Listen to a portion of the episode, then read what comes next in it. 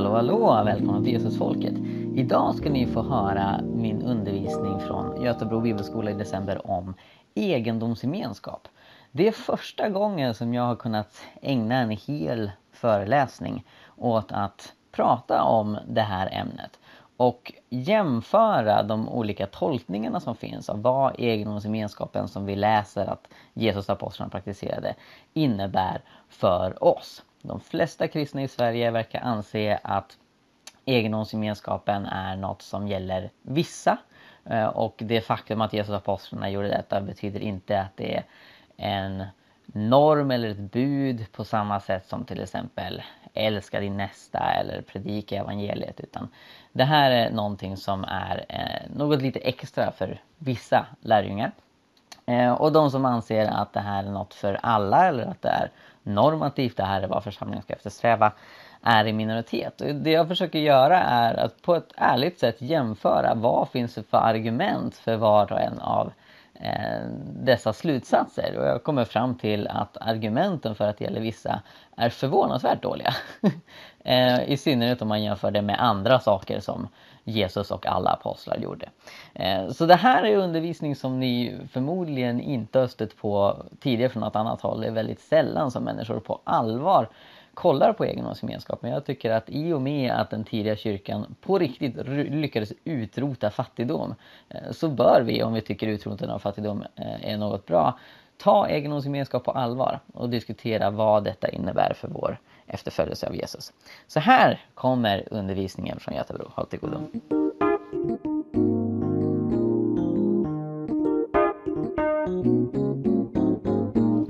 Jag lever i egendomsgemenskap sedan några månader tillbaka. Jag och min fru Sara och min vän Katarina och min katt Kafka har en kommunitet utanför, Bro, eh, utanför Uppsala, ett litet samhälle som heter Broby. Eh, och vi har ett gemensamt bankkonto på Länsförsäkringar, ett föreningskonto, som alla inkomster och alla utgifter passerar genom. Så all min lön och Katarinas lön och bidrag som vi får går till gemensamma kontot och det står för alla hyror, alla matutgifter, alla resor till Örebro och så vidare. Eh, och vi lever så här inspirerade av Bibeln, av den egendomsgemenskap som det står om i Apostlagärningarna. Låt mig först och främst förtydliga vad en egendomsgemenskap är. Det är inte så mycket mer komplicerat än just delad ekonomi. Och på det sättet så är det ju faktiskt ganska många som har egendomsgemenskap. Det är väldigt många familjer som har egendomsgemenskap. Vi alla när vi var barn hade egendomsgemenskap med våra föräldrar. Vi skötte inte vår egen ekonomi. Eh, och på samma sätt så finns det många olika konstellationer och organisationer och företag som delar ekonomi på olika sätt. Ehm, det som kännetecknade egendomsgemenskapen i Bibeln är ju att det var väldigt många som delade ekonomi. 3000 och and counting, de var över 5000 ett tag i Jerusalem. Ehm, vi är ju inte lika många, vi är tre och en katt, men vi hoppas bli fler. Det är fler som har visat intresse och, och vill flytta till Uppsala för att gå med i den egendomsgemenskapen som vi har och vi håller på att försöka hitta ett större boende så vi kan få plats fler och även inkludera kanske EU-migranter, eh, asylsökande, papperslösa, andra människor som, som är i behov. Eh, låt oss börja med att läsa om vad Bibeln säger om egendomsgemenskap. Och kärntexterna som jag skrivit upp här är då från Apostlagärningarna 2 och Apostlagärningarna 4. Så vi börjar i kapitel 2, vers 44 och 45. Alla scrollar i sina biblar. Så står det, alla troende var tillsammans och hade allting gemensamt. De sålde sina egendomar och allt vad de ägde och delade ut till alla efter vad var och en behövde. Det här är en ganska kortfattad sammanfattning egentligen som Lukas gör när han beskriver egendomsgemenskapen i Jerusalem. Han kommer tillbaka till det i kapitel 4 och då är det en lite mer detaljerad beskrivning av vad det här innebär. Så i 4, 32-37 så kan vi läsa. Skaran av dem som trodde var ett hjärta och en själ och ingen kallade något av det han ägde för sitt utan de hade allt gemensamt. Med stor kraft frambar apostlarna vittnesbördet om Herren Jesu uppståndelse och stor nåd var över alla. Ingen av dem led någon nöd. Alla som hade jord eller hus sålde vad de ägde och bar fram vad de hade fått för den sålda egendomen och la ner betalningen för apostlarnas fötter. Och man delade ut åt var och en efter vad han behövde. Josef som var levit och född på Cypern och som apostlarna kallades, kallade Barnabas, det betyder tröstens son, ägde också en åker. Den sålde han och bar fram pengarna och la dem för apostlarnas fötter. Så det Lukas beskriver här är en delad ekonomi där kristna sålde vad de hade, la pengarna i en gemensam pott som apostlarna hade koll på. Och sen fick man tillbaka. Det delades ut pengar ut efter vad var och en behövde. Så allt gick till samma pott och sen utgick allt därifrån också. Och varför skriver Lukas här? Vad är hans poäng med att lyfta att det var så här de kristna gjorde i den första församlingen i Jerusalem? Jag tror att han har flera poänger, men jag skulle vilja nämna tre stycken. För det första så tycker jag att det är väldigt tydligt eh, utifrån det Lukas skriver att det här är något positivt. Om vi går tillbaka till Apostlagärningarna 2 så ser vi att i sammanhanget så listar Lukas en rad olika saker som kännetecknade den här apostlarnas egen församling, den första församling som etableras efter att Jesus har åkt upp till himlen. Han nämner att de håller fast vid apostlarnas lära, att många under och tecken sker, att de evangeliserade och att människor kom till tro varje dag och att de var omtyckta av allt folket. De bröt bröd i hemmen och höll måltid med varandra i jublande innerlig glädje.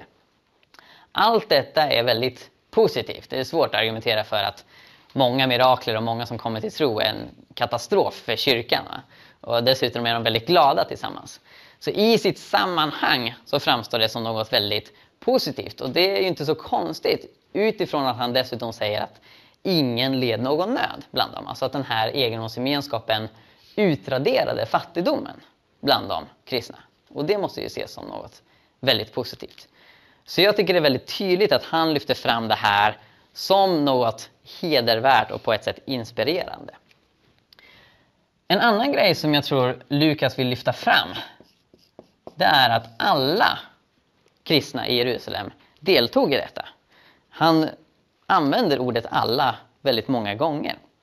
I vers 44 kapitel 2 alla troende var tillsammans och hade allting gemensamt.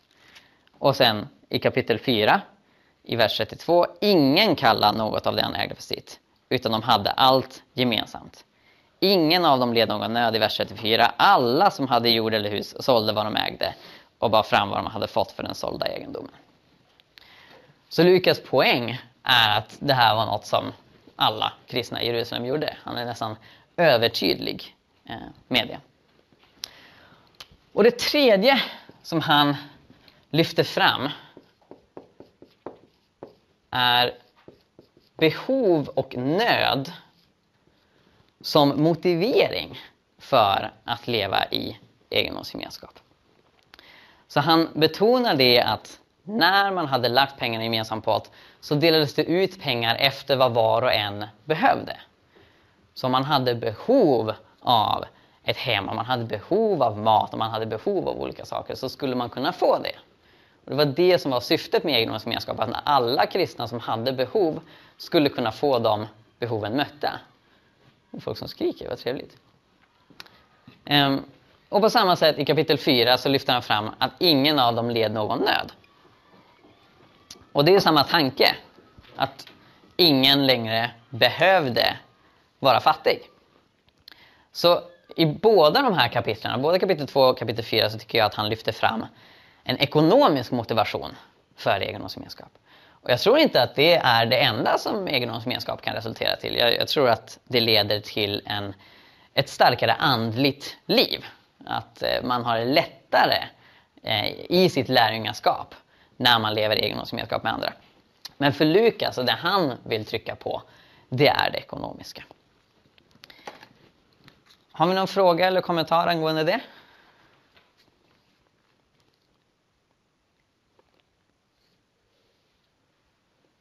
Nej. Gött, gött. Då går vi vidare med att försöka lista ut hur man ska förstå um, hur man ska förstå detta som normativt eller inte. Det vill säga, är det här något som fler kristna bör ägna sig åt och i så fall hur många?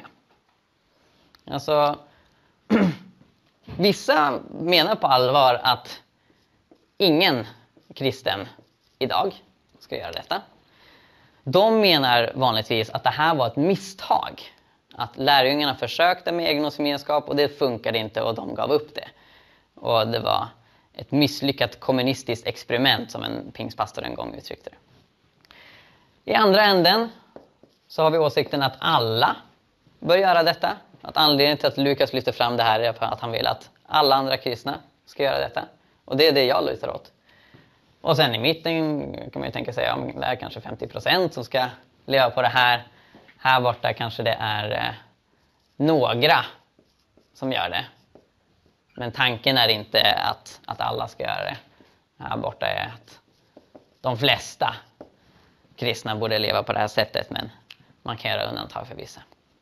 Och frågan är liksom utifrån Bibeln, var är den rimligaste slutsatsen när det gäller hur, hur vi ska förstå detta som normerande för andra kristna? De allra flesta kristna i Sverige och i västvärlden lever inte i egendomsgemenskap. Och de allra flesta som jag har hört som talar om egendomsgemenskap hamnar här. Så man säger antingen okej, okay, vissa som kanske liksom känner sig kallade till det eh, kan väl göra det. Men de flesta kristna är inte alltså, tänkta att leva så här radikalt utan man ska ha sin egen ekonomi. Eh, och så ger man lite då och då, va? men att man inte liksom ger all in. Så. Och som sagt, några har till och med argumenterat för att det här är ett misstag. Eh, jag har stött på en person på nätet som ofta kommenterar på min blogg. Han säger att han hatar egendomsgemenskap, han hatar kommunism. Och han hatar allt som har med det här med liksom delat ägande. Han älskar privat ägande. Alltså, han, han, skriver väldigt långa kommentarer som jag inte orkar läsa igenom. Ehm, men som sagt, jag har hamnat här borta och det gör mig ganska unik. Och det gör också att en, en föreläsning som ni kommer få nu kommer ni kanske inte få höra så många av. Om det inte sker en, en förändring i hur folk tänker kring detta. Jag tycker att när man hamnar här borta och, och liksom kommer till slutsatsen att Lukas poäng inte är att det här är något normativt för alla eller de flesta kristna. Ehm, så tolkar man Bibeln på ett konstigt sätt. Ehm, och det är det jag ska försvara. Och sen får ni tycka annorlunda om ni vill det.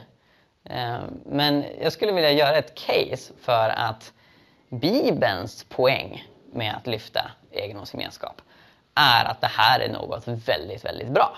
Och att det här är en väldigt logisk konsekvens av att följa Jesus. Och var man hamnar på den här skalan hänger ofta samman med om man tycker att Lukas beskrivelse av egendomsgemenskap i Apostlagärningarna är antingen deskriptiv, vilket ju betyder att det är beskrivande, eller preskriptiv, vilket betyder uppmanande och att det här är ett exempel som ska åtföljas. För de allra flesta som jag har hört som argumenterar för att det här är bara liksom tänkt för vissa kristna, vissa munkar och nunnor kanske och någon mer. Eh, men inte för de flesta. De menar att det finns ju inget bud i Bibeln att leva i egendomsgemenskap. Utan det enda vi har det är en beskrivning av att alla kristna i den första församlingen gjorde det. Och det tycker man inte räcker. Alltså, det visar, okej, okay, det här är ett sätt att följa Jesus som apostlarna tydligen tyckte var väldigt vettigt. Men det behöver inte betyda att det är något som övriga generationer kristna ska ägna sig åt. Det är en beskrivning av egendomsgemenskap men det är inte en uppmaning till det. Och det är förvisso helt sant att orden ni ska leva i egendomsgemenskap eller ni ska ha allting tillsammans finns inte i Nya Testamentet. Däremot så finns det en uppmaning som Jesus ger eh, vid flera tillfällen. Vilket är sälj allt du äger. Och det jag tycker är väldigt tydligt när Lukas beskriver egendomsgemenskapen, det är att han kopplar det till det budordet. För han beskriver egendomsgemenskapen som i första steget ett säljande av allt man har. Han skriver i 2.45, de sålde sina egendomar och allt vad de ägde och delade ut till alla efter vad var och en behövde. Och sen i 4.34, alla som hade jord eller hus sålde vad de ägde och bar fram vad de hade fått för den sålda egendomen. Så jag tycker det är tydligt att Lukas uppfattar orden sälj allt du äger som en uppmaning till egendomsgemenskap. Och det är det många som inte hänger med på. För det låter ju som att när Jesus säger sälj allt du äger.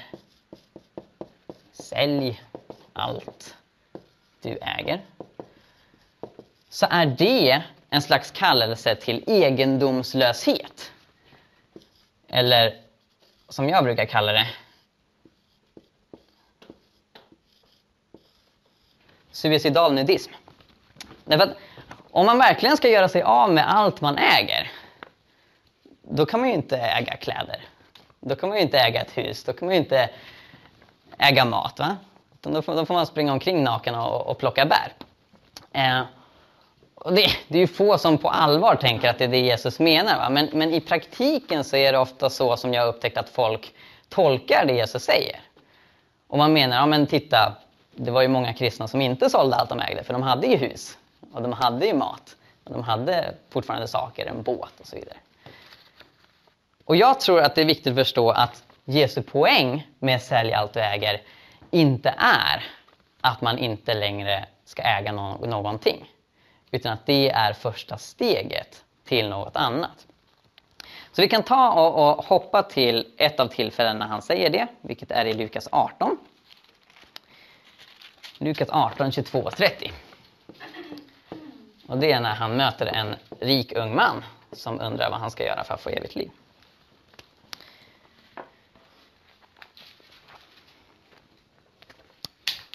Hoppsan. Då står det så här. Jesus sa till honom, ett fattas dig ännu. Sälj vad du äger och dela ut till de fattiga. Då ska du få en skatt i himlen och kom sen och följ mig. När mannen hörde detta så blev han djupt bedrövad eftersom han var mycket rik. Jesus såg att han var bedrövad och sa, hur svårt är det inte för dem som är rika att komma in i Guds rike? Det är lättare för en kamel att komma igenom ett synhållsöga än för en rik att komma in i Guds rike. De som hörde detta frågade, vem kan då bli frälst? Och han svarade, det som är omöjligt för människor är möjligt för Gud. Då sa Petrus, se vi har lämnat det vi ägde och följt dig. Och Jesus sa till dem, amen säger jag er, var och en som har lämnat hus eller hustru eller bröder eller föräldrar eller barn för Guds rikes skull ska få mångdubbelt igen redan i den här världen och sedan evigt liv i den kommande världen. Det är två saker i den här texten som jag tycker pekar på att det Jesus menar med sälj allt du äger inte är egendomslöshet utan egendomsgemenskap. Det första är att poängen med sälj allt du äger är att fattiga ska få pengar. Det är ju väldigt tydligt. Det är därför Jesus vill att den här rike mannen ska sälja det han har. För att de fattiga ska få det. Och då uppstår förstås en fråga. Om han då säljer allt och blir nudist och bor ute i skogen och ska leva på bär, är inte han då väldigt fattig? Alltså handlar det om att ruinera sig själv och se till nu ska jag vara fattig istället för alla andra? Det, det, går emot en princip som Paulus skriver om i Andra Korinthierbrevet. Att syftet med att ge till de fattiga inte är att vi ska få det svårt och de andra ska få det bra. Utan syftet är att det ska bli lika för alla. Och det är ju väldigt tydligt i egendomsgemenskapen. Där har alla sina behov mötta. Så när eh, Barnabas till exempel sålde sitt hus och sin jord eh, och gav pengarna till apostlarna så fick han också sen tillbaka. Det delas ju ut till människor utifrån vad de behövde.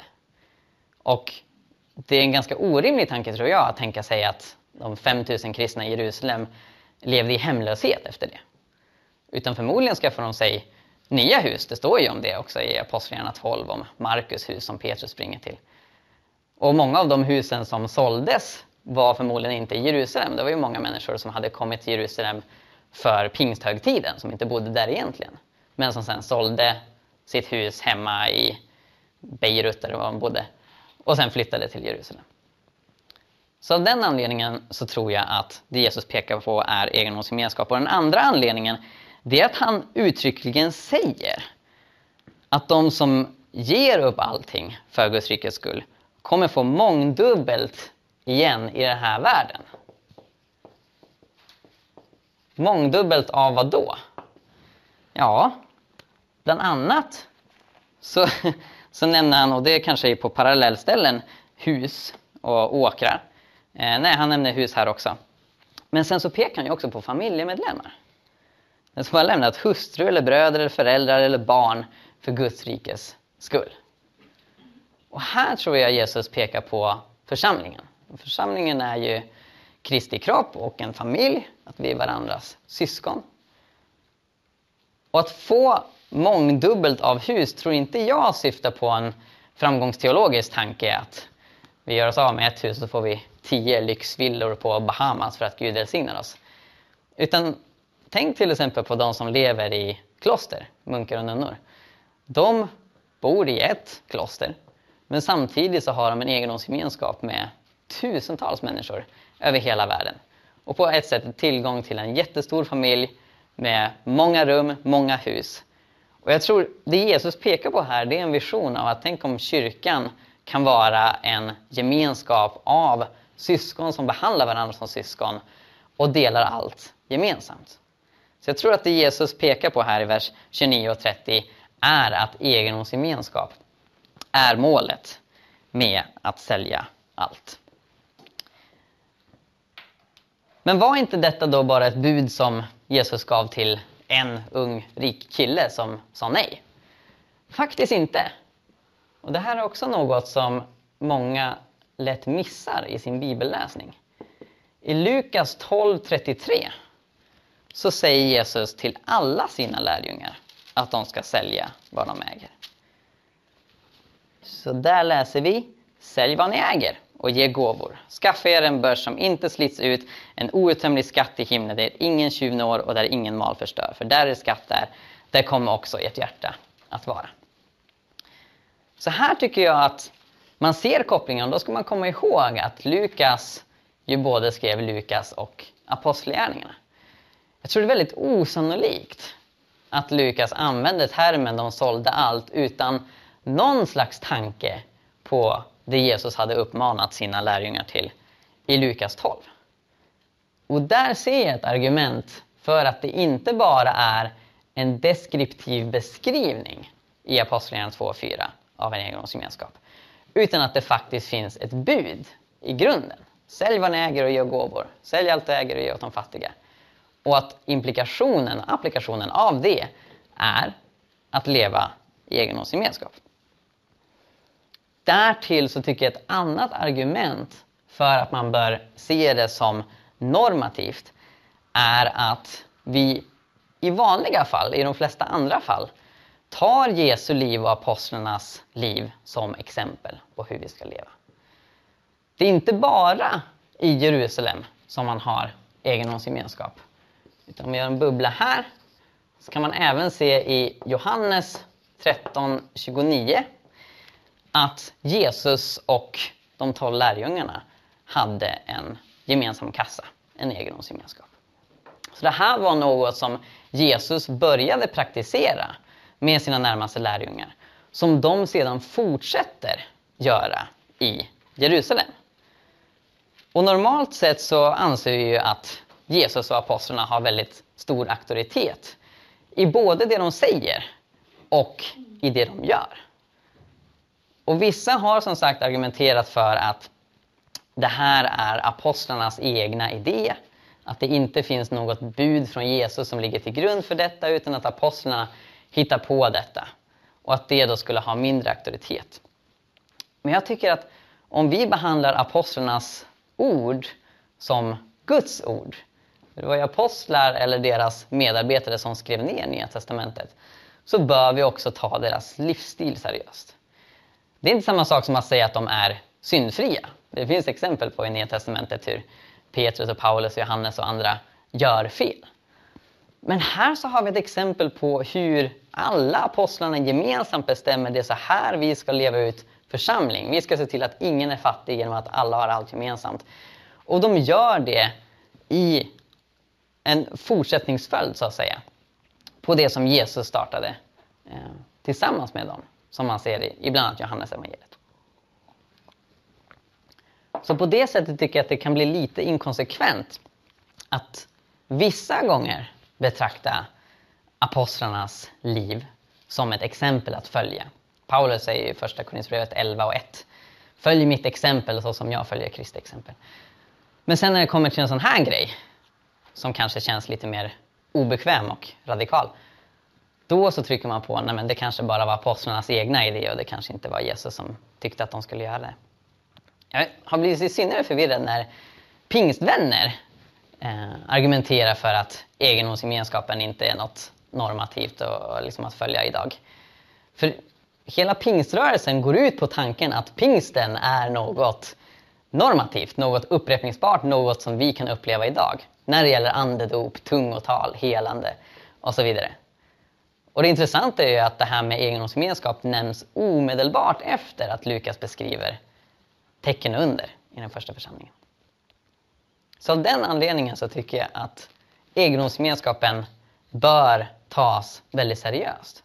Och att man, och det allra minsta, bör kunna säga att vi behöver många fler församlingar som ser ut så här. Och vi behöver många fler kristna som lever så här. För återigen, 3000 EU-migranter som sover i bilar och husvagnar samtidigt som massa kristna samlas på torp i sina husvagnar som de inte bor i, men som de äger ändå. Det säger något om hur kyrkan i Sverige lever. Och jag skulle säga att om egendomsgemenskap var normen, då skulle inte kristna behöva vara hemlösa. Då skulle vi kunna bekämpa fattigdom på ett mycket effektivare sätt. Är det några tankar eller funderingar? Ni är förvånansvärt tysta. Ja? Jag tänker om, eller så här att man målar upp ett scenario att det är men, två gifta eh, och den ena liksom studerar, kanske får typ 4 000 i månaden. Medan den andra har ett jobb och tjänar cirka 20 000 i månaden. Hur ska man tänka där? För då tjänar ju den andra mycket mer än vad den andra gör. Mm. Då känns det, eller för mig skulle det kännas fel att leva på någon annans Mm. Eh, lön eller någon annans arbete liksom. Jo, precis. precis. Hur ska man tänka där med egendomsgemenskap? Mm. Man måste ju fortfarande ha någon syn på liksom att så här mycket har du ungefär att spendera varje månad Mm. och så här mycket har jag att spendera varje månad. Men Mm. vi har det i samma, eh, på samma konto liksom. Jo, precis. Alltså, egendomsgemenskapstanken utgår ju som sagt väldigt mycket från behov och nöd. Och det är ganska utmanande för det vi är vana vid i vårt samhälle som är väldigt kapitalistiskt. Det är att de pengar vi har att göra med är i relation till vad vi har förtjänat oss till. Och där kan det ganska ofta finnas ett litet hyckleri för att många av de som sliter hårdast här i världen är bland annat EU-migranterna. De sliter fruktansvärt mycket men de får inte särskilt mycket lön för mödan. Ehm, I den egendomsgemenskap som jag lever i så är jag den största inkomstkällan. För jag jobbar heltid och min fru och vän pluggar. Och eh, i synnerhet en av dem har känt att jag vill också bidra, liksom, det här blir konstigt Mikael att du drar hela lasset. Medan jag från mitt perspektiv inte har något problem med det. Eh, och det får man ju prata om. Och jag tycker att i synnerhet strävan och viljan att arbeta och bidra ska alltid finnas där. Och jag tror det är därför när Paulus talar om, om att den som inte vill arbeta ska inte heller äta, så talar han till en egendomsgemenskap. För det är, en, det är ett sådant sammanhang som ett sådant bud blir aktuellt.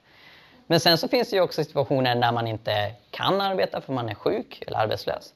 Eller att man pluggar för att i framtiden kunna arbeta. Och det tycker jag definitivt att man ska ha nåd med. Och att de som då har större inkomst bär en större del av den gemensamma ekonomin för att få det att liksom flyta för alla. Hur ska man se på det idag? Och, eller typ, ska man ta det där bokstavligt med att om du inte bidrar ska du inte äta? För då blir det ju, vissa kan ju vara så här att de har alla förutsättningar för att Mm. skaffa ett jobb. Men de drar inte liksom, de försöker liksom Mm. inte skaffa ett jobb. Mm. Hur ska man tänka då? Ska man liksom verkligen tänka att nej men du gör ingenting för att få in pengar till den här Mm. familjen så då får inte du äta. Precis. Det, det är väldigt viktigt att inse att det bibelordet eh, felciteras väldigt ofta. Det Paulus säger är den som inte vill arbeta. Och det tycker jag är väldigt klokt av honom, att lägga till det där vill. För det är precis som du säger, att vissa människor kan inte arbeta. Eller vissa människor försöker få ett arbete men det råder arbetslöshet. Eller vissa människor pluggar för att i framtiden arbeta. Och det är inte dem Paulus talar om. Utan han... Jag menar att man inte försöker. Ja, precis. precis. Nej, men exakt. Så det, det han pratar om är just de som inte vill bidra fast de kan. Och där så tror jag att i längden så kommer inte en egendomsgemenskap klara av att finansiera dem. Och jag tror att eh, även när Paulus talar om, om änkor som skulle kunna få en försörjning men inte gör det. Va? Eller änkor som har släktingar i livet som inte bidrar. Jag tror också det att han där talar till en egendomsgemenskap som måste hantera det här. Så det är definitivt något som man behöver prata om och det kan vara lite obekväma samtal. Eh, för jag tror det är en grundförutsättning att alla vill bidra för att ekonomin ska kunna gå runt. Yes? Tänker du att eh, alla kristna ska vara i små egendomsgemenskaper eller ska det vara liksom en stor, eh, liksom nationell eller Mm. till och med global? Precis, jättebra fråga. Eh, Jag tror att en global egendomsgemenskap vore helt fantastiskt och, skulle förändra världen som ingenting annat. Eh, Jag skrev ett, ett eh, litet paper om det när jag läste eh, ekonomi på universitetet. Om liksom så här, hur man i första hand skulle kunna göra att det blir mer utjämning mellan samfunden som redan finns. Ehm, så att kyrkorna ute i majoritetsvärlden får mer pengar än vad de i nuläget har. Ehm, men i första hand får man naturligtvis gräva där man står. Så vi har startat en liten lokal egendomsgemenskap. Jag vill ju satsa på att ägna mitt liv åt att plantera fler församlingar och kommuniteter som har det här sättet. Och då att de kan sammanlänkas så att man har en koppling. För det finns ju redan kommuniteter i Afrika och Asien. Ehm, och jag har träffat folk som är med i sådana. Så de vill jag jättegärna koppla samman med så att man kan få en sån koppling också. Hur, hur eh, förhindrar man korruption? Alltså jag tänker att det ändå finns en risk eh, i, ja, men i, om det liksom blir någon ledning, typ av ledning. Mm. Hur vet man att den liksom bra? Det är en jättebra fråga. Och då får man ju bete sig som en biståndsorganisation i allmänhet och kanske köra det via biståndsorganisationer. Jag skulle säga att de flesta svenska biståndsorganisationer idag, i synnerhet de kristna, har väldigt bra mekanismer för att upptäcka och motverka korruption. Man ställer krav på att, att redovisa. Och även vi i vårt lokala sammanhang, vi har ju de förening som bara vi är med i och vi är styrelsen själva. Men liksom vi, vi ser till att samla ihop kvittorna och, och ja, kolla liksom så att vi vet var pengarna tar vägen. Mest för att hålla koll på om, om det är någon utgift som är för stor, att vi kan minska den. Um, så det kan man absolut göra. Och, och så funkar väldigt många egendomsgemenskaper som jag har stött på idag. Att man har någon form av redovisning så att man ser till att pengarna inte försvinner. Liksom. Det är inte alls länge. Jag har velat göra det i tio år. Men det var nu i september eh, som vi satte igång. ja. Vad, alltså, jag tänker, vad- vad har du sett som för ja, men positivt med det? Jag tänker att det måste som... Jag jag, tjänar min lön och den ser jag som... Ja, men jag ger tionde och så. Men sen ser jag ju det som min lön. Mm. Och jag kan säga, ja men eh, köp det jag vill ha och så. Men jag tänker att ifall man är fler då... Ja, men vad gör det med ens ansvarstänkande? Mm. Då börjar man, kanske främst så börjar man tänka på pengar Mm. i en egendomsgemenskap. Mm. Jätte, jättebra fråga. K- kan jag komma tillbaka till det lite senare? För jag tänker eh, mot slutet prata lite om fler praktiska Eh, implikationer av det här. Först och främst skulle jag vilja gå igenom några myter om eh, Bibelns egendomsgemenskap. Och därefter så tänker jag att vi pratar om egendomsgemenskap i historien och idag. Så då blir det grön färg, eh, några myter som kan vara bra att känna till. För intressant nog, den här kopplingen mellan egendomsgemenskapen och budet om att sälja allt. Det är det väldigt sällan som jag hör andra bibellärare göra i Sverige idag. Inte för att den är särskilt otydlig. Som sagt, det är samma författare, han använder samma ord. Jag tycker det är en väldigt logisk koppling. Men det är många som inte tänker på det, Kanske för att man är väldigt fokuserad på att hamna här och liksom försöker använda sin bibeltolkning för att nå ett förutbestämt mål. Eh, jag har ända sedan jag började öppna Bibeln varit öppen för tanken och landat här. Men det finns några andra idéer som är väldigt välspridda som jag tycker inte alls syns i Bibeln. Och de kan vara bra att, slå lite hål på. Um, för de, de, tycker jag inte tar Bibeln seriöst utan, uh, G, utan kommer någon annanstans ifrån. Den första är att um, motivet till egendomsgemenskapen uh, var eskatologi. Vet ni vad det betyder? Den sista tiden och Jesu återkomst och Jesu profetier om vad som kommer att hända i framtiden. Och det här finns i två versioner. Antingen så menar man att på grund av att Jesus förutsäger Jerusalems förstörelse så sålde man alla hus och åkrar därifrån så att man liksom inte skulle förlora så mycket pengar när det kom år 70 när romarna anföll. Eller så menar man för att apostlarna och de tidiga lärjungarna hade en felaktig uppfattning om att Jesus skulle komma tillbaka i deras livstid. Så tog de något till så drastiskt som att sälja allt. Men sen när det visade sig att han inte kommer tillbaka så behöver man inte göra det. Och jag skulle säga att det här kännetecknas av två problem. För det första så utgår man från då att allt säljandet handlar om att göra sig av med hus och åkrar i Jerusalem och inte skaffa sig nya hus. Att alla 5000 kristna skulle vara hemlösa. Och det är så konstigt, för det står till och med att de samlades i hemmen. De samlades i templet och i hemmen för att fira gudstjänst tillsammans. Jag tycker det är väldigt tydligt att de fortsätter ju bo i Jerusalem. Och sen kan det vara så att den som hade ett väldigt stort och rikt hus sålde det och sen så hade man pengar att köpa ett enkelt hus och resten gick till de fattiga. Och som sagt, jag tror många också sålde hus och åkrar som inte alls låg i Jerusalem, som låg någon annanstans, för att kunna bo i egendomsgemenskapen i Jerusalem. Men det andra problemet här är att Bibeln själv inte anger det här som motiv överhuvudtaget. Lukas säger inte för att de trodde att Jesus skulle komma tillbaka eller för att de visste att Jerusalem skulle förstöras, så hade de allt gemensamt. Utan det var för att ingen skulle lida nöd, för att alla behov skulle mötas. En annan vanlig idé det är att EG, alltså egendomsgemenskapen, misslyckades och ledde till ekonomisk kollaps. Och här så pekar man på Paulus insamling till de fattiga i Jerusalem som skedde på 50-talet. Man kan läsa om det i första och andra Korinthierbrevet bland annat. Som, som bevis för att Jerusalems ekonomi kollapsade. Och då hävdar man att det här visar att egendomsgemenskapen leder till ekonomisk katastrof. Ofta när man argumenterar för detta så drar man en parallell till Sovjetunionen eh, och hur planekonomin där ledde till eh, att hela systemet kollapsade. Och jag tycker inte att man kan dra en sån slutsats. För det första därför att återigen, det här står inte i Bibeln. Paulus säger inte på grund av att egendomsgemenskapen har kollapsat så måste vi hjälpa de fattiga. Utan folk kan ju bli fattiga för att det blev hungersnöd, eller för att det blev förföljelse, eller av någon annan anledning. Det behöver inte bero på egendomsgemenskapen.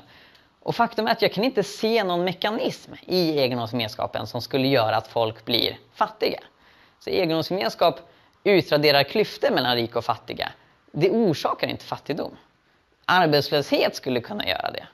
Men jag ser som sagt inget bevis för eller en indikation på att egendomsgemenskapen ledde till eller innebar att folk slutade arbeta. Utan snarare folk fortsatte ha sin lön och så gick den lönen till ett gemensamt ändamål snarare än bara en själv.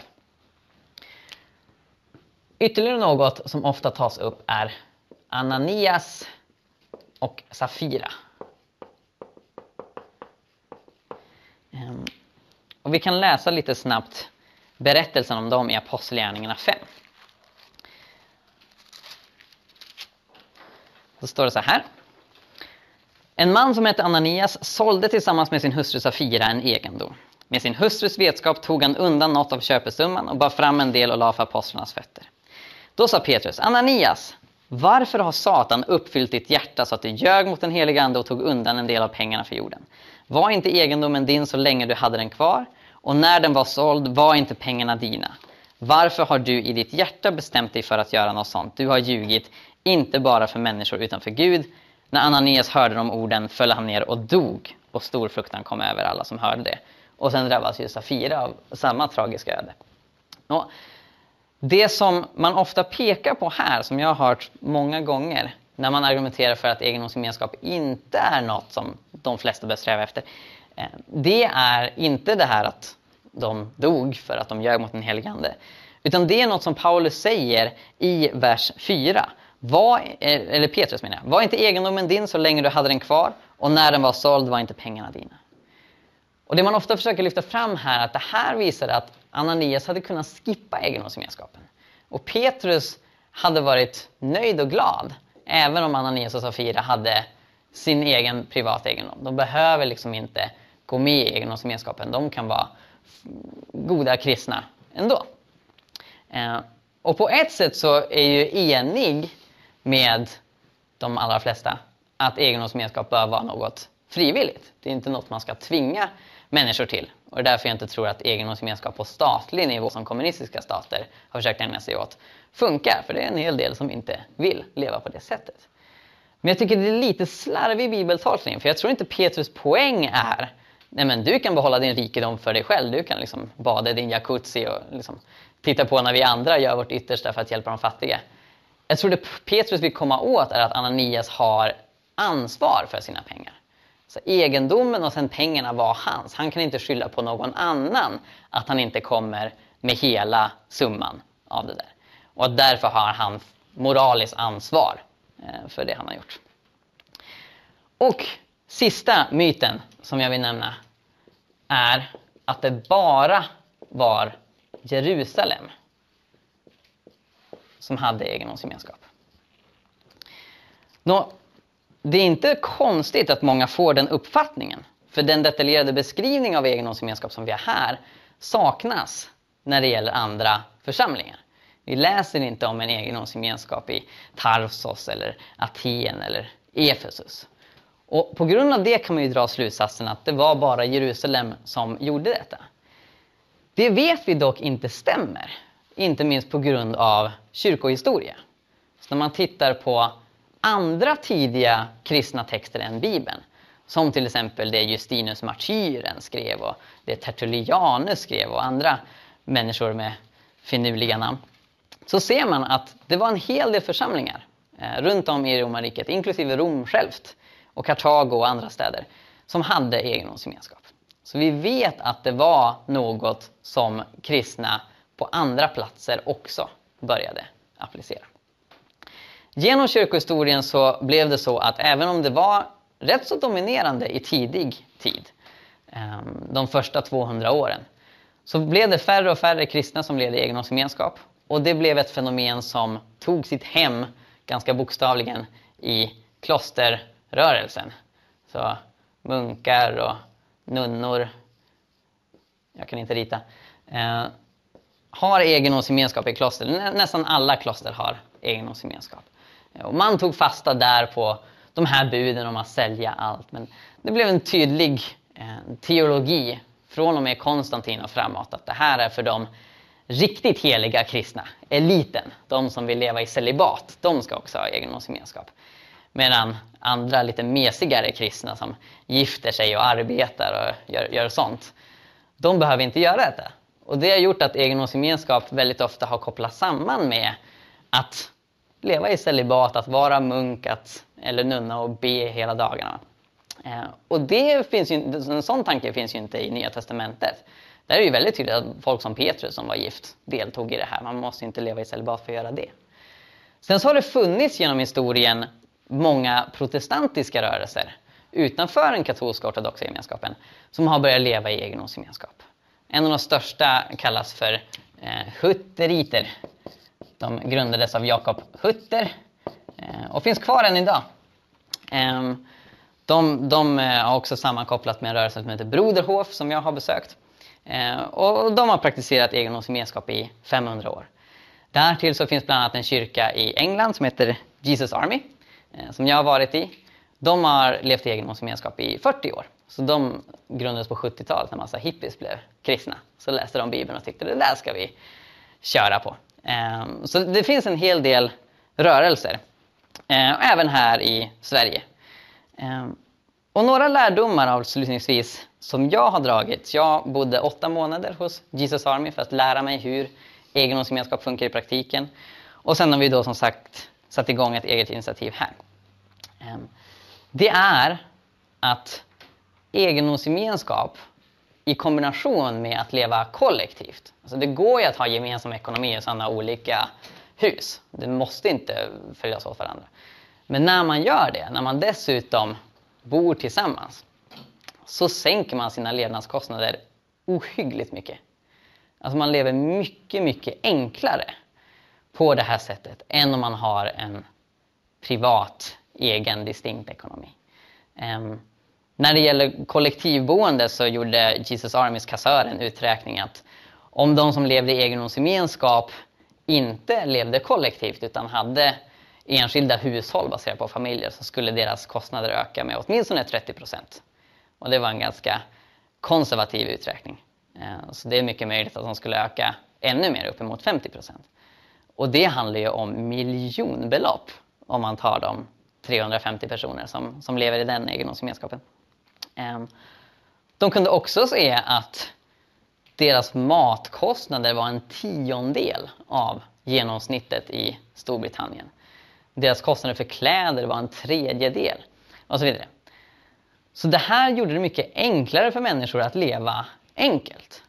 Och det tror jag är väldigt välbehövligt i en tid av klimatkris och i en tid av ekonomisk ojämlikhet. Det som krävs för att vi på allvar ska bekämpa fattigdomen det är att vi som lever i de rika länderna lever mycket, mycket enklare. Och kollektivliv och egendomsgemenskap ger mycket bättre förutsättningar för att leva enkelt än att ha egna hushåll med egna ekonomier. Um, du ställde någon fråga som handlar om det praktiska men jag har lyckats glömma den. Ja, men just vad det är, om man kan säga att det har som positiva konsekvenser eller följder. Och just, ja. Men lite det som du var inne på också, vad det gör med ens ekonomiska mm. Mm. Ja, precis. Eh, en snubbe som jag träffade där i England, han sa att han inte sett en räkning på 30 år. Eh, så jag skulle tro att om man lever kollektivt för de flesta eh, så blir det mycket mindre stress i vardagen. För ofta så är det då bara en eller två som tar hand om ekonomin som blir kassörer för egendomsgemenskapen och som är duktiga på det. Medan andra kan slappna av och slipper göra det. På samma sätt så var det väldigt många barnfamiljer som var otroligt tacksamma för kommunitetslivet. Eh, och där kan man liksom göra på olika sätt. Ett eh, kommunitetshus som jag var i, de hade barnfamiljen bodde på övervåningen och så de som inte hade barn, eh, som antingen var singlar eller par, bodde på nedervåningen. Eh, men det faktum att man bodde tillsammans med fler vuxna var förstås en otroligt stor fördel eh, för de här familjerna eh, som verkligen minskade deras stress och gjorde att de kunde leva mer aktiva liv och vara mer engagerade i församlingen. Det vi också såg var att människor generellt, oavsett om de hade barn eller inte, blev mycket, mycket mer andligt engagerade. Så Mike, som, som är kassör för Jesus Army, han sa att de som lever i egendomsgemenskap i den kyrkan, det är ungefär 20 procent av alla samfundsmedlemmar. Alltså 80 procent gör inte det. Men den femtedelen av eh, antalet församlingsmedlemmar står för 80 procent av de ekonomiska bidragen till samfundet så att det snurrar runt och 80 procent av det ideella engagemanget i deras sociala center och eh, ja, på gudstjänster och så vidare. Och det är ju väldigt intressant. Och man skulle kunna argumentera för att det är de som är mest aktiva som tar beslutet att dessutom gå in i egendomsgemenskap. Men det jag även märkte hos människor som jag intervjuade, för jag, jag gjorde en C-uppsats om det här i teologi, eh, det var att människor som förut hade haft det svårt att vara engagerade i församlingen eh, upptäckte att det var mycket lättare när man bor i en sån kommunitet och när församlingen dessutom är baserad i kommuniteten, vilket är deras modell, som jag tror mycket på. Då går det i princip inte att banga. Det går förstås att lämna liksom, om man tappar tron eller om man vill gå i en annan kyrka. Va? Men just det här att liksom, nej, men jag, jag ser på Game of Thrones istället för att gå på gudstjänst eller liksom så här, nej men jag orkar inte. Det minskade. Man fick på det sättet mer andlig energi och, och var mer engagerad. Och det tyckte de allra flesta var väldigt positivt eh, förstås. Eh, så det är en annan aspekt som inte är ekonomisk. Men sen så är det också otroligt tydligt att det är den absolut mest effektiva fattigdomsbekämparen som finns. Eh, så när du har en sån egendomsgemenskap på ett antal hundra människor, eh, då får du ju liksom ett ganska rejält överskott. För de allra flesta som jobbar liksom får ju in mer än vad de själva behöver för att leva. Och då kan man enkelt ta in hemlösa, man kan enkelt donera pengar till, till välgörande ändamål. Eh, och, och det, det, det är ruskigt effektivt när det gäller att bekämpa fattigdom. Jag har aldrig stött på något som, som omedelbart, från dag ett, ser till, okej, okay, du var fattig, nu har du ett hem, nu har du mat, nu har du en säng, välkommen. Det, det är egendomsgemenskapen väldigt bra på. Finns det något negativt ur, alltså ur din synvinkel? Mm. Det negativa som jag också kom fram till i C-uppsatsen är ju att friheten blir mer begränsad. Och det kan ta sig många olika uttryck. Till exempel så är det många som lever i egendomsgemenskap som inte kan resa lika mycket som människor som inte gör det. Och det är ju ofta för att man, om man tar in väldigt fattiga människor, men då prioriterar man ju deras behov. Och sen är det ju också, det blir ofta så här, om man har ett ideal av enkelhet så är det också minskad vilja att resa. Eh, men vissa kan också uppleva det som lite besvärligt. Eh, så några ungdomar från Jesus Army som ville komma och besöka oss i Sverige sa att ah, vi måste liksom höra först om, om vi har möjlighet att skicka oss till Sverige nu liksom, eller om vi måste vänta. och så, där. så friheten blir ju mer begränsad på det sättet. Och det ska alltid finnas en möjlighet att lämna egendomsgemenskapen. Och då också att man ser till att de som gör det får en summa pengar så att de kan bygga ett liv eh, på egen hand. Så att de inte står helt utan någonting. Ehm, det är väldigt viktigt att det finns en sån mekanism. Ehm, samtidigt som, som man i en sån egendomsgemenskap naturligtvis strävar efter när man går med och att det är liksom ett seriöst beslut som man har tagit flera år på sig att ta. Att det ska vara för resten av livet. Att det blir som ett commitment som att gifta sig ungefär. Men att möjligheten att skilja sig, så att säga, möjligheten att gå ur, ska alltid finnas där. Om det inte finns det, då är det ju risk att det blir något sektartat av det. Om det är liksom en stark ledare som inte låter människor gå därifrån. Men samtidigt är det så att i en sån gemenskap så blir det mycket transparens. Så jag har inte sett något belägg för att en kommunitet löper större risk att bli en sekt snarare än en annan typ av församling. Eh, men däremot så kan ju konsekvenserna bli allvarligare om man dessutom liksom har placerat alla sina pengar hos en grupp som sen inte alls är bra för den. Ehm, så transparens och öppenhet och nätverkande med andra kommuniteter och församlingar tror jag är jätteviktigt. Uh, till exempel där Jesus Army, alltså jag tänker åldersmässigt, hur stor variation är det? Jag tänker om man ska bo där tills man dör och mm. alla är i samma ålder så då har man pensionärer där sen ja. 70 år. Nej men det är en jättebra fråga. Eh, när det gäller många kloster så ser vi det idag. Att det framförallt är äldre människor, klostren håller på att dö ut. Vilket jag tycker är jättesorgligt. Jesus Army är inte så. Det var en väldigt stor spridning i ålder. De har haft det svårare idag att rekrytera nya människor till kommuniteten än under hippieåldern. Alltså när Jesus Army var aktiv på 80-talet. Då var den här statistiken tvärtom. Då var det 80 procent som levde i egendomsgemenskap av samfundets medlemmar. Um, och de är ju växt också. Men det är unga som har gått med. Jag träffar folk som liksom var ja, 19 när de gick med eller 21 eller något sånt där. Va?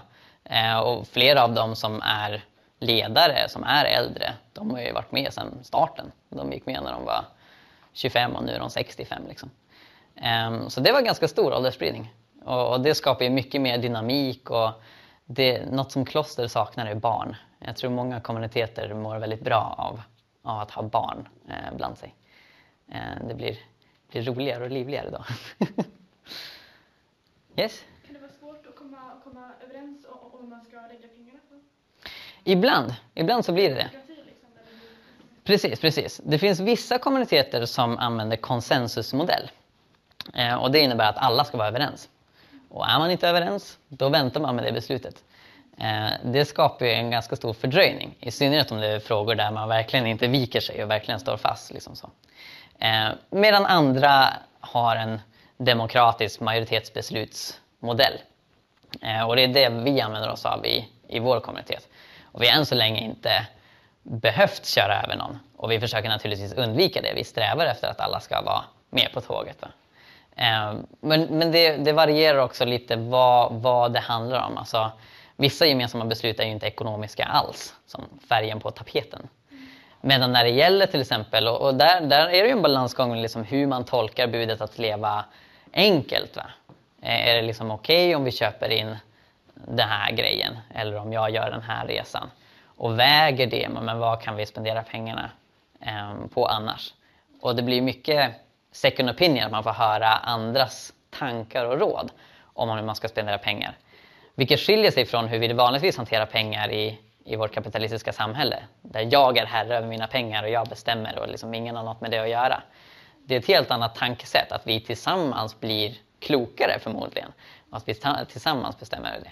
Så ibland kan det bli konflikter, men min erfarenhet är att konflikter och, och det som gör att folk lämnar kommuniteter inte särskilt ofta handlar om pengar, att man är oense om hur man ska hantera pengar. Utan ganska ofta handlar det om att man stöter sig mot varandra, att man inte passar ihop personlighetsmässigt. Och då har de gjort i Jesus Army att man först får pröva att flytta till en annan kommunitet, för de har ju 40 stycken runt om i England.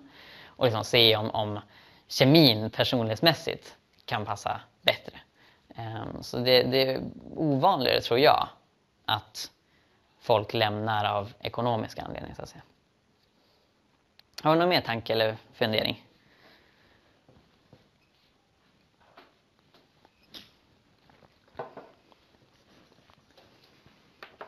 Är det vanligt att du testar att bo i sådana enskilda perioder för att se om det är dem? Eller? Ja, oh ja, oh ja.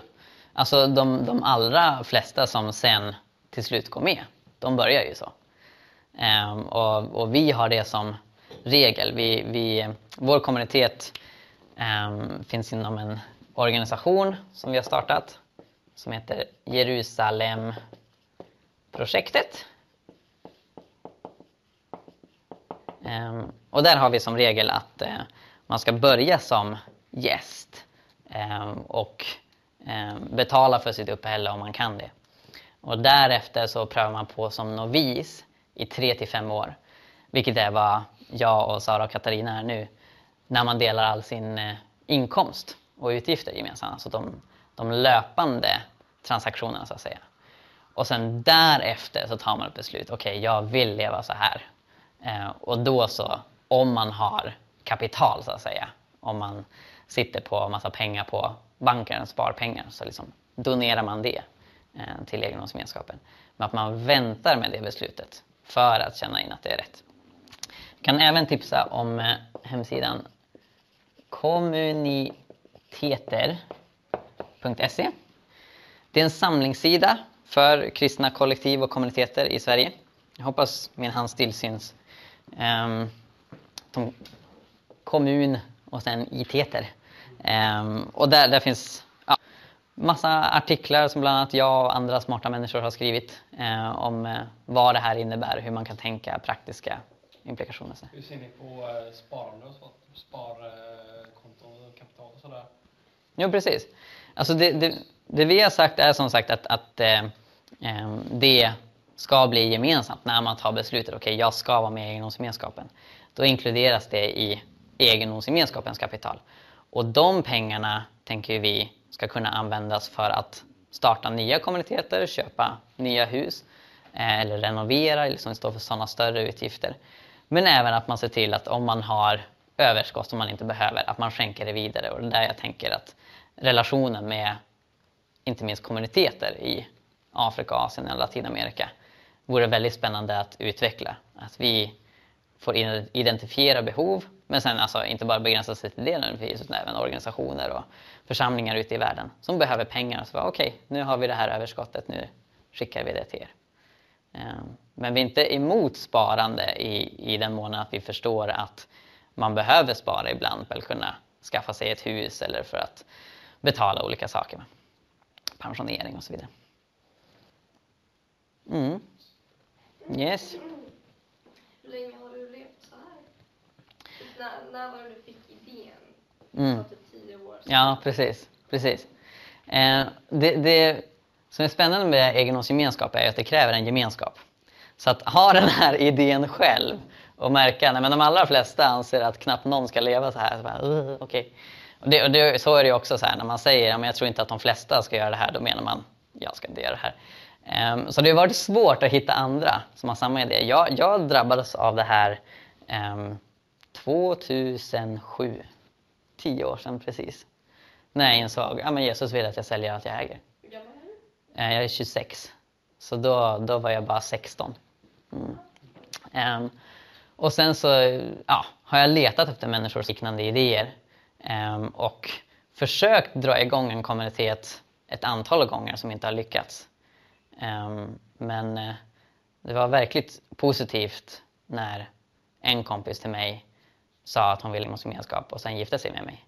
Det, då känns det som att nu har vi gemenskapen, så kärnan till gemenskap där. Nu, nu är det bara att fler hakar på, va? men nu är jag inte längre själv. Så det är ju skönt.